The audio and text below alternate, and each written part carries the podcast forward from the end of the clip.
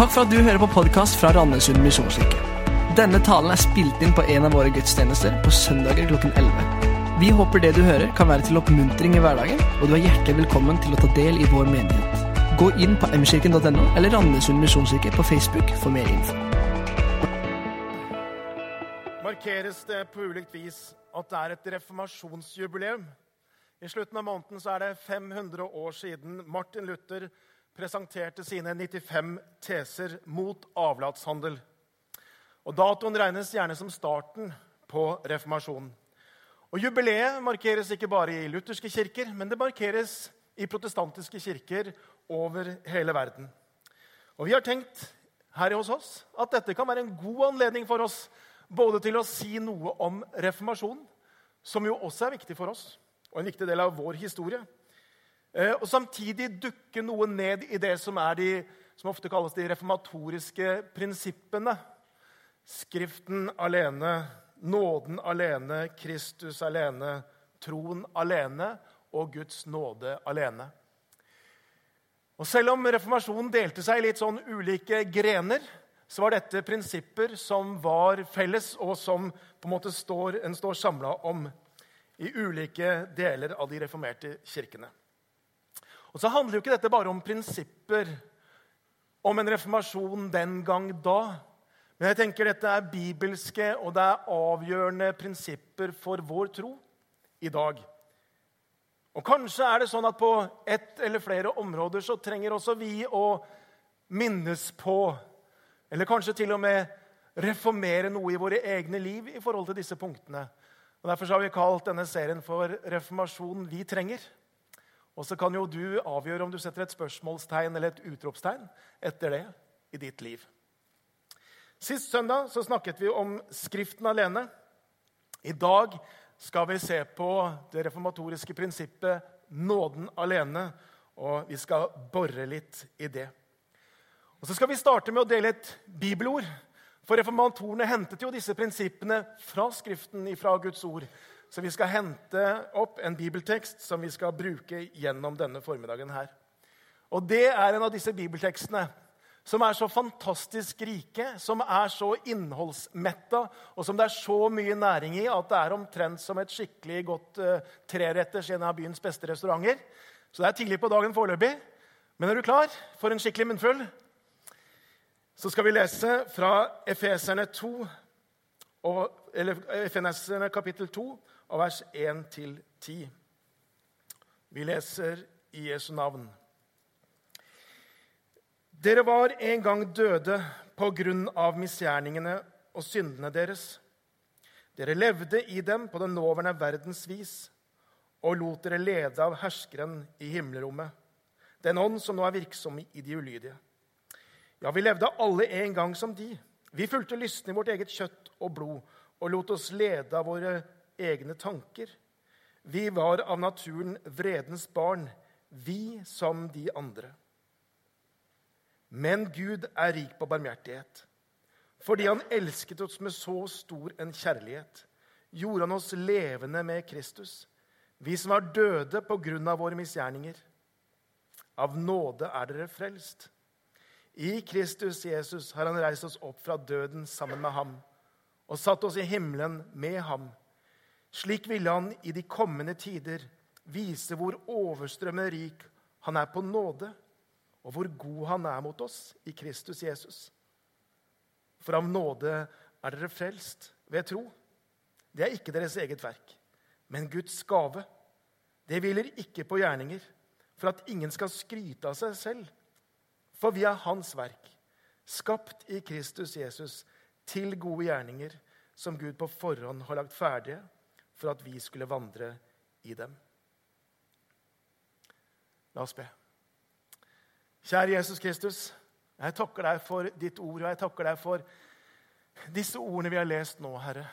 Og takker deg for det fantastiske budskapet som dette er inn i våre liv og til den verden vi er en del av. Så jeg har bare lyst til å be at du i formiddag må, må åpne noen av disse perspektivene. Og la det falle inn i våre liv som såkorn i god jords monn, Herre. Jeg ber om det. Amen.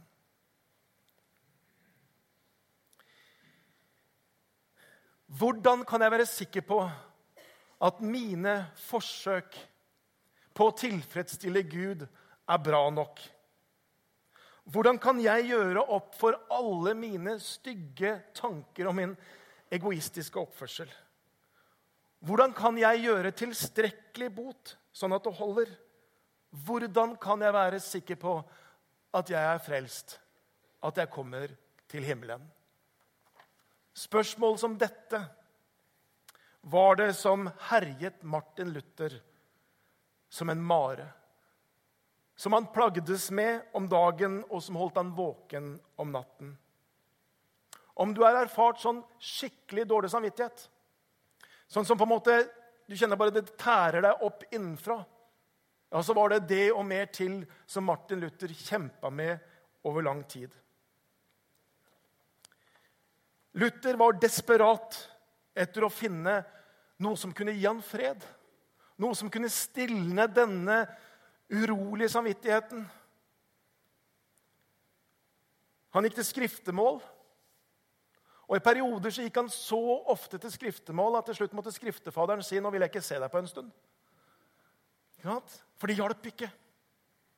Han forsøkte å gjøre bot, på en måte, å gjøre fysiske anstrengelser eller, eller, nesten fysisk avstraffelse på sin egen kropp liksom for å straffe seg sjøl.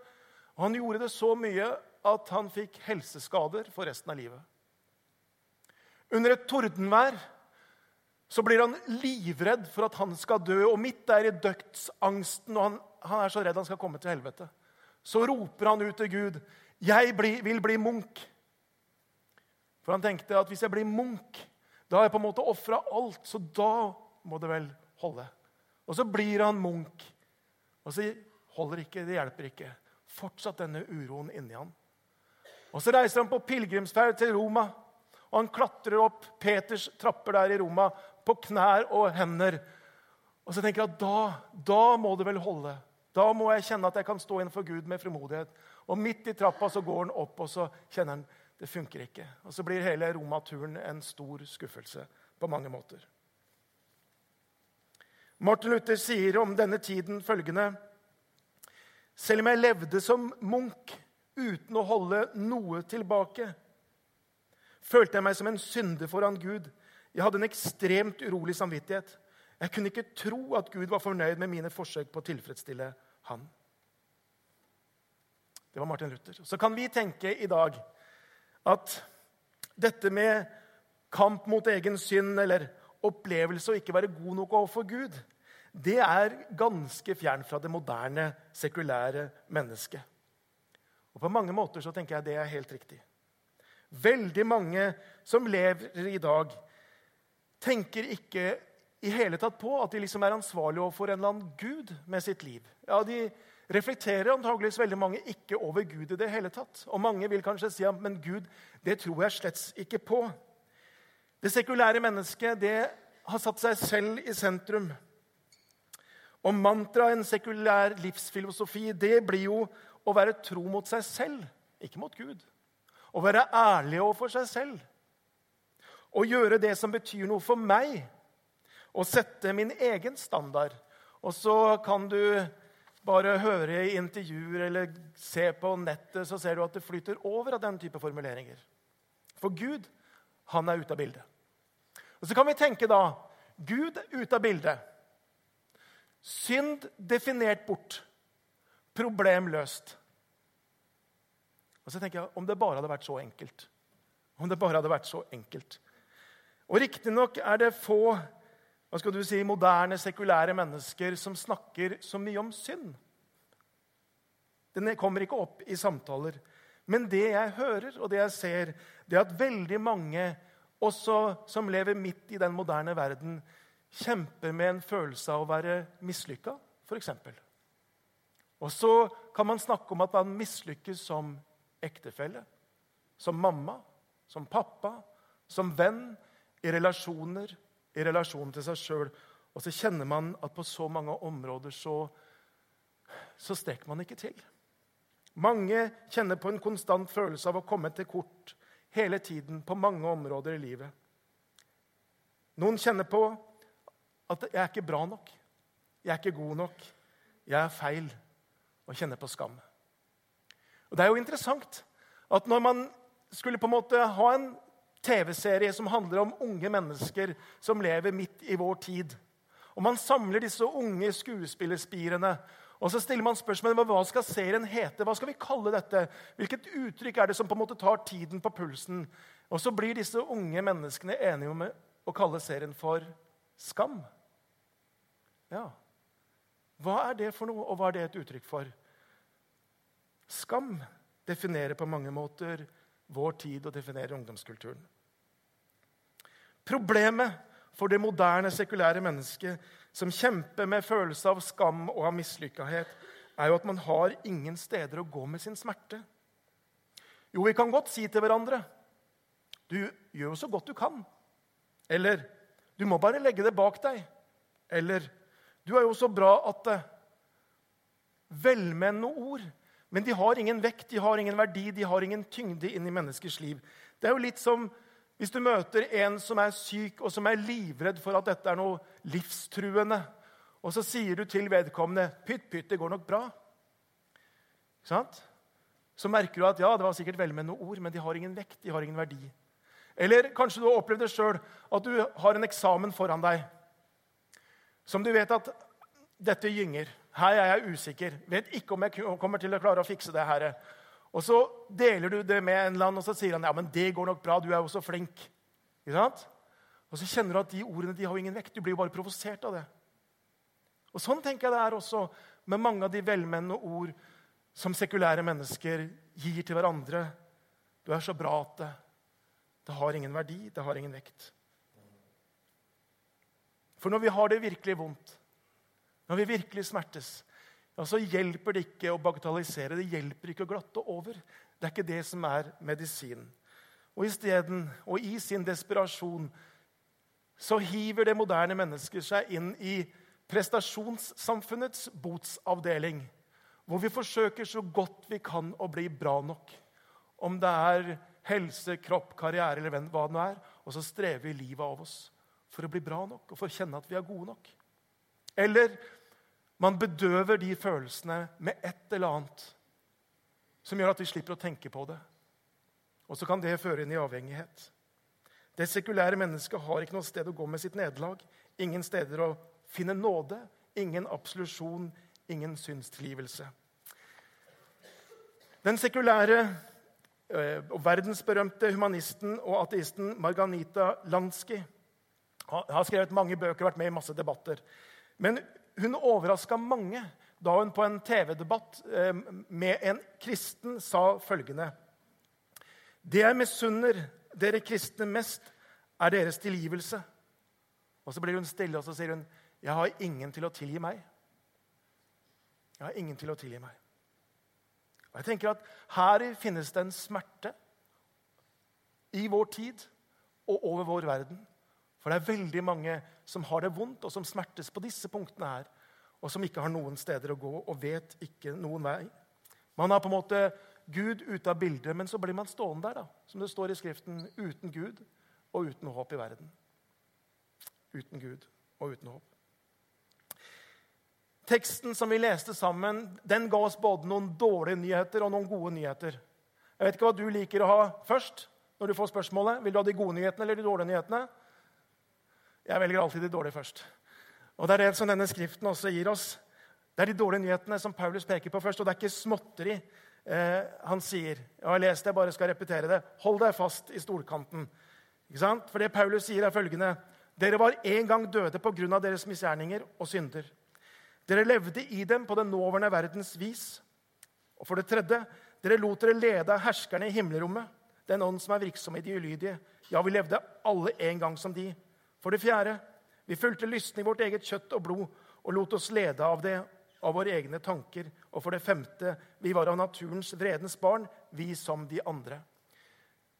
Det er massivt, men det Paulus gjør, han argumenterer ikke, han dytter ikke dette på noen. Han bare konstaterer at sånn var det.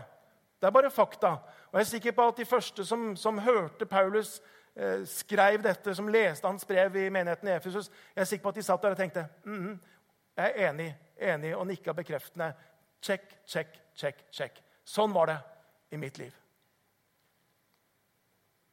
Og så stanser ikke Paulus der. Og så stanser ikke Skriften der. Og så stanser ikke det kristne budskapet der. Det er et stort men. Et kjempestort men. Og noen ganger så er disse mennene de er ikke gode. Hvis læreren sa til meg 'Jarle, kan du bli med ut på gangen litt?' Og så begynte han sånn 'Jarle, du er jo en god gutt, men' Da visste jeg jeg var i trøbbel. Da betydde det ingenting at han sa at du er en god gutt først. Jeg visste at da kom det noe. ikke sant? Og sånn er det. Ordet 'men' det på en måte sletter ut det som ligger foran. Kalles en ordterrorist. ikke sant? Det deleter det som er foran. Men dette, menn dere, det er fantastisk. For etter å ha gitt oss de dårlige nyhetene, så stanser Paulus og sier han, 'Men Gud er rik på barmhjertighet.' Tenk på det. Sånn var det. Det er helt sant. Men Gud er rik på barmhjertighet. Og så kommer det seks vers som bare hamrer på hvor stor kjærlighet Gud har. Hvordan, hvor god han er mot oss i Kristus Jesus. Hvor høyt han elsker oss. Og så er det som han vil på en måte bare banke inn én spiker en gang for alle. Og så sier han igjen og igjen dette med nåden. Han sier i vers 5.: Av nåde er dere frelst. Han sier i vers 7.: Men eh, Gud er oversvømmende rik på nåde. Og i vers 8.: For av nåde er dere frelst. Skjønner du? Det er liksom Han bare banker på den spikeren igjen og igjen. Og igjen. Og en norsklærer ville kanskje ha vært fram med rettepennen og skrevet gjentagelser. Ikke sant? Det er ikke så bra. Men Paulus han gjør det for å sikre Ingen skal på en måte ha lest det og ikke skjønne at det det handler om, det er at vi er frelst av nåde, uten gjerninger. Det er en Guds gave. Det er sånn det henger sammen. Definisjonen på nåde er ufortjent favør eller ufortjent gunst. Nåde det er det vi får som det ikke er knytta betingelser til. Det er aldri et fordi etter nåde. Nåde er det vi gjør som vi på ingen måte har gjort oss fortjent til. Det er totalt ufortjent. Nåde sier ingenting om mottakerens oppførsel eller maner. Den sier kun noe om giverens godhet. Det er det som er nåde. Å bli behandla med nåde er på mange måter overraskende. Jeg vet ikke om du har opplevd det sånn i et eller annet setting, en, en eller annen relasjon, og så plutselig merker du at du blir behandla med nåde. Og så tenker du Wow, hva var det? Og Sånn er det i Skriften også. Nåde er det som er så overraskende. Vi sang 'Amazing Grace' her i stad. Utrolig, forunderlig, overraskende nåde. C.S. Lewis forteller det at noe av det som hjalp han, eller som var viktig for han, når han var på vei inn i tro og inn i den kristne tro. Så det på en måte som virkelig overbeviste han, det var budskapet om nåde. For han sa at budskapet om nåde det hadde ikke noe menneske kunne kommet på. Det må komme fra Gud. Nåde er ut av en annen verden, bokstavelig talt. Det er fra Gud. Vi skal tilbake til Martin Luther og hans eksistensielle kamp. Han er munk, han er teolog, han underviser på universitetet i teologi. Han kjemper med både fag og med sin egen urolige samvittighet. Han sitter i tårnet i Wittenbergs svartekloster og jobber med bl.a. Salmenes bok. Han jobber med Det nye testamentet. Han kjemper og brytes med bibeltekstene. Og Det er særlig ett bibelvers som han kjemper ekstra med. Og Det er Romerbrevet kapittel 1 og vers 17, hvor det står For i det åpenbares rettferdighet av tro til tro, slik det står skrevet. Den rettferdige skal leve ved tro. Og Luther forteller at han kan ikke fordra dette begrepet her, den rettferdige. Og i uttrykket Guds rettferdighet, det eneste han hører, det eneste han ser, det er Guds hellighet, Guds vrede, Guds dom. Han syns det er et grusomt uttrykk. Han sier 'Jeg hater det begrepet', sier han. Og han skriver følgende jeg elsket ikke Gud. Tvert imot. Jeg hatet den rettferdige Gud som straffer syndere.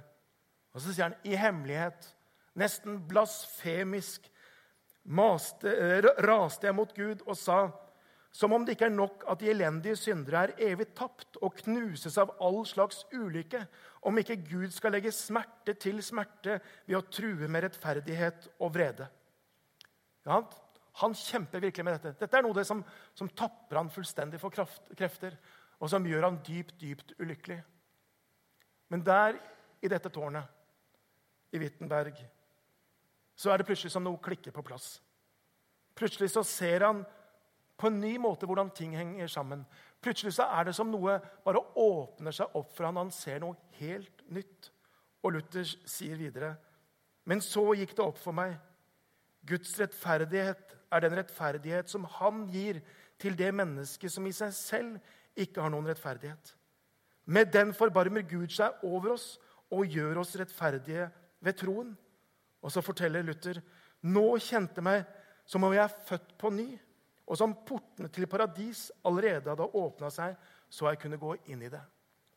Og så har Luther her det som ofte kalles for Luthers tårnopplevelse. Og så blir det noe helt nytt. Han skjønte plutselig det som Luther har kalt det salige byttet. Hva dette handler om, er at jeg gir mine nederlag og min synd til Herren. Og i bytte så får jeg hans rettferdighet. Og så ble det på en måte øyneåpner, og det ble et helt nytt liv for Luther. Det er noen som sier at det er egentlig Luthers tårnopplevelse som vi burde ha feira.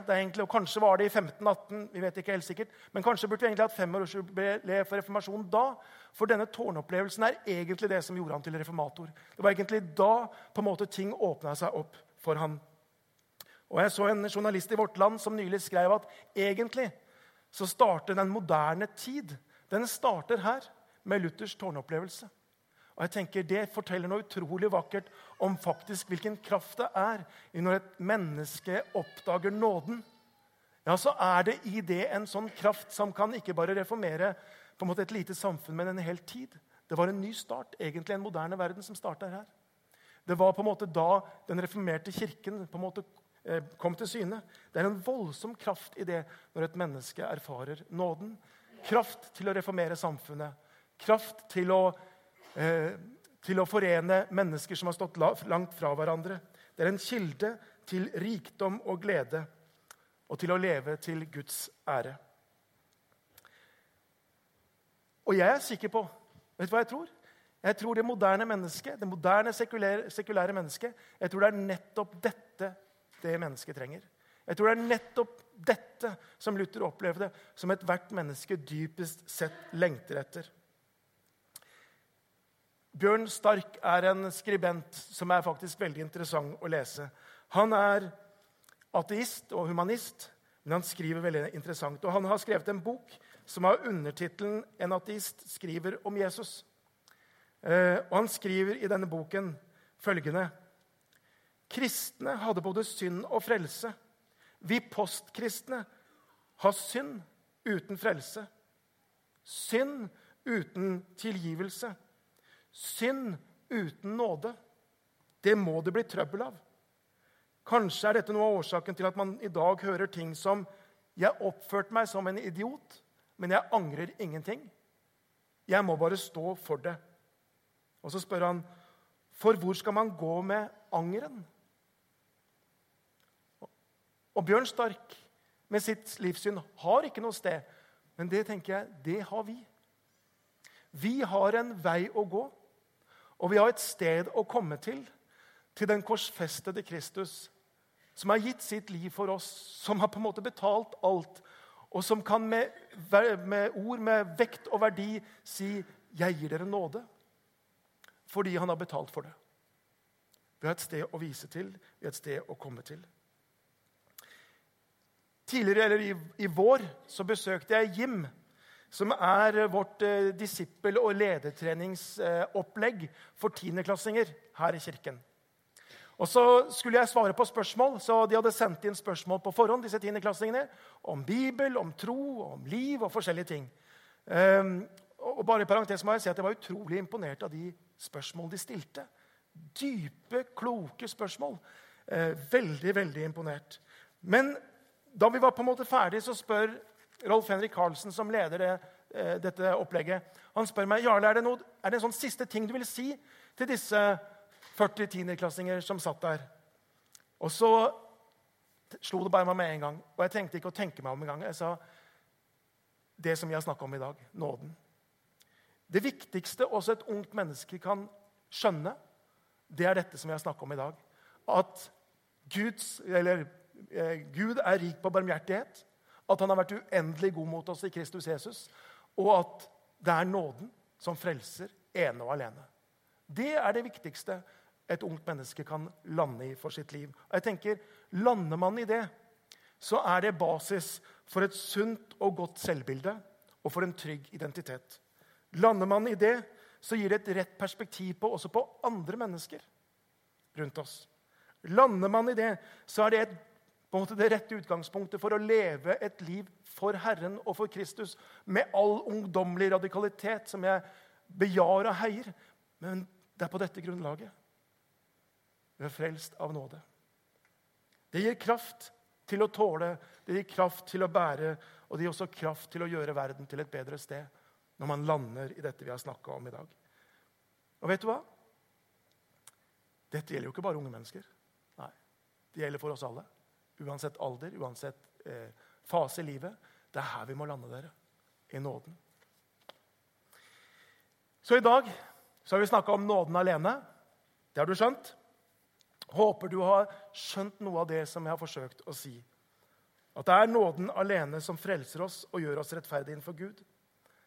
Og så tenker jeg, Om du har gått litt i en kirke, om du har gått her litt, ja, så er det ikke første gang du har hørt om nåde. Du har hørt om det mange ganger. Det er ingenting jeg har preka så mye om som nåde i denne menigheten. her. Jeg prøver å få med, Hver eneste gang jeg taler, så prøver jeg å få med noe om dette som med hva Jesus har gjort for oss, eller dette som har med nåde å gjøre. Hver gang i alle taler vil jeg ha med noe om det. Og hvorfor det? Er det ikke sånn at det er så basic at det kunne vi liksom, på en måte, det er vi ferdig med? Vet du hva jeg oppdaga? Det er noe med dette budskapet her, akkurat om Guds nåde, som det er akkurat som det lekker i livene våre. Det er litt sånn at det er noe vi kan på en måte ha grepet én gang, og så går det litt tid. Og så plutselig så på en måte famler vi litt, og så er vi litt usikre, og så begynner vi å rote sammen tingene i dette som har med nåde. Kanskje var det sånn at vi så det der med nåde så klart en gang, og vi kjente hvordan det bare tok oss, og hvor glade og begeistra vi blei. Og så går det litt tid, og så kjenner vi på en måte akkurat som vi både at vi tar det for gitt, men vi mister litt av det perspektivet. På dette området her har jeg oppdaga helt spesielt det er akkurat som det budskapet lekker i livet vårt. Hvorfor er det sånn? Jeg har tenkt på mange ganger. Hvorfor er det sånn? Jeg tror det har noe fordi at det er egentlig så motsatt av alt annet vi opererer med, og alle andre på en måte ting i samfunnet. Det er egentlig veldig ulogisk, dette som har med nåde å gjøre. Egentlig så er det litt sånn urettferdig, til og med. Ikke sant? Det er helt motsatt av alle våre ryggmargsreflekser. Så Derfor så er dette et budskap som vi trenger å vende tilbake til igjen og igjen og igjen. og igjen. Ellers så roter vi tingene sammen, og så ender vi på et veldig feil sted. Jeg har en bok hjemme som heter 'Transforming Grace' av Jerry Bridges. Og På bokomslaget, som jeg riktignok ikke har lenger, men der sto det en liste. Det sto 15-16 punkter, nesten som en sånn diagnose for hva som var karakteristisk hvis man på en måte hadde mista taket i hva nåde var. Og Så tenkte jeg at vi kunne ta den diagnosetesten her i dag. Vi skal lese disse punktene, og så skal du få lov til å tenke ok, hvordan, hvordan er det der i mitt liv. Hvordan ser det ut? Og Han sier følgende Du har ikke helt ut forstått Guds nåde når du lever med en vag følelse og at Gud ikke er fornøyd med deg. Når du kjenner deg skamfull om du kommer med dine bønner til ham, når du samtidig vet at du ganske nylig har svikta. Når du tenker at Hans nåde er det som på en måte fyller opp forskjellen mellom alle dine forsøk og Guds standard. Når du føler at du fortjener bønnesvar fordi du har ofra mye og arbeidet hardt. Når du tenker at 1. Johannes 1,9, hvor det står at dersom vi bekjenner våre synder, så er Han trofast og rettferdig, så Han tilgir oss syndene og renser oss for all urett. Når du tenker at det der gjelder ikke meg fordi jeg har tabba meg ut så mange ganger, jeg har brukt opp all kreditten Når du føler deg mer selvsikker overfor Gud fordi du har vært trofast med de kristne disiplinene, du har lest din bibel, og du har bedt dine bønner, og du går på gudstjeneste og du har delt ditt vitnesbyrd, og derfor så kan jeg ha frimodighet innenfor Gud. Når det der sniker seg inn, så sier Bridges, da har du ikke helt forstått nåden. Når du ikke helt klarer å se at du er uten skyld i Guds øyne, når du opplever i liten grad glede og fred i ditt liv. Når du ikke klarer helt og fullt å tro på at Gud han er glad i deg og liker deg. Når du ser ned på andre mennesker og forakter dem. Når du ikke har frimodighet til å be Gud om så mye fordi du ikke vil forstyrre ham. Når du tenker at det kristne liv det er det du gjør i løpet av en dag. Det du gjør i løpet av en dag. Og ikke det at du får lov til å stå i en relasjon hvor du kan ta imot hans godhet og nåde og kjærlighet. Når du har denne lille frykten i deg at kanskje blir ikke denne dagen så bra fordi jeg gikk glipp av å lese i Bibelen i dag tidlig. Når du tror at det er noe du kan gjøre som gjør at Gud elsker deg mindre eller mer. Når du tror at det kallet du har fått til tjeneste, er fordi at du er verdig, eller fordi du er kvalifisert. Det var Bridges. Og så kan jo du tenke Disse prikkpunktene, denne lista her, hvordan på en måte traff det i ditt liv? Og Kanskje er det ett eller to eller noe flere hvor du tenker vet du der, akkurat der, der kjente jeg at jeg traff noen ting. Kanskje trenger du rett og slett en personlig reformasjon i forhold til nåden alene, sånn at du kan lande i dette. Det handler om hva han har gjort for deg hele tiden. Aldri hva du gjør for ham. Det handler alltid om hva Gud har gjort for deg. For av nåde er dere frelst ved tro. Det er ikke deres eget verk, men Guds gave, leste vi. Det var det Luther og de andre reformatorene oppdaga. Det var det de grep det var det de skjønte. Det var det som ga dem denne kraften. Så håper jeg at alle vi som er her i dag, at vi på samme måte kan gripe dette som handler om nåden alene, for våre liv. Jeg håper ingen går ut her i dag uten at du liksom har landa i dette. Det er hva Gud har gjort for deg, ikke hva du skal prestere for ham. Frelst er du av nåde alene uten gjerninger. Det er ingenting å rose seg av. Det er det dette handler om. Å lande i nåden alene. Så jeg har bare lyst til å si ta imot det. Ta imot det budskapet om nåden alene sånn dypt inni deg. La det på en måte treffe deg i magen, i ditt indre. La det på en måte lande der. Jeg tror det er det viktigste, det mest sentrale i hele vår tro. Det er akkurat dette nåden alene. La oss be. Kjære Jesus Kristus. Du ser hvor vanskelig det er noen ganger faktisk å skjønne dette. Å gripe det og ikke la det forsvinne igjen. Så har jeg bare lyst til å be for hver eneste en som er her. At det her må kunne lande i våre liv, at det ikke må lekke, men at det må feste seg, og at det må skape en kraft, Jesus, inni oss. Sånn som din nåde nettopp kan gjøre. Jeg har bare lyst til å be for alle vi som er her, og du kjenner den enkelte av oss, Herre. Jeg har bare lyst til å be om at du skal betjene oss, Herre. At du skal tale dine ord inn i vårt indre, Herre. At du skal bekrefte på ny og på ny og på ny at du elsker oss at du ga ditt liv for oss, og at frelst, det er vi av nåde. I ditt navn jeg ber. Amen.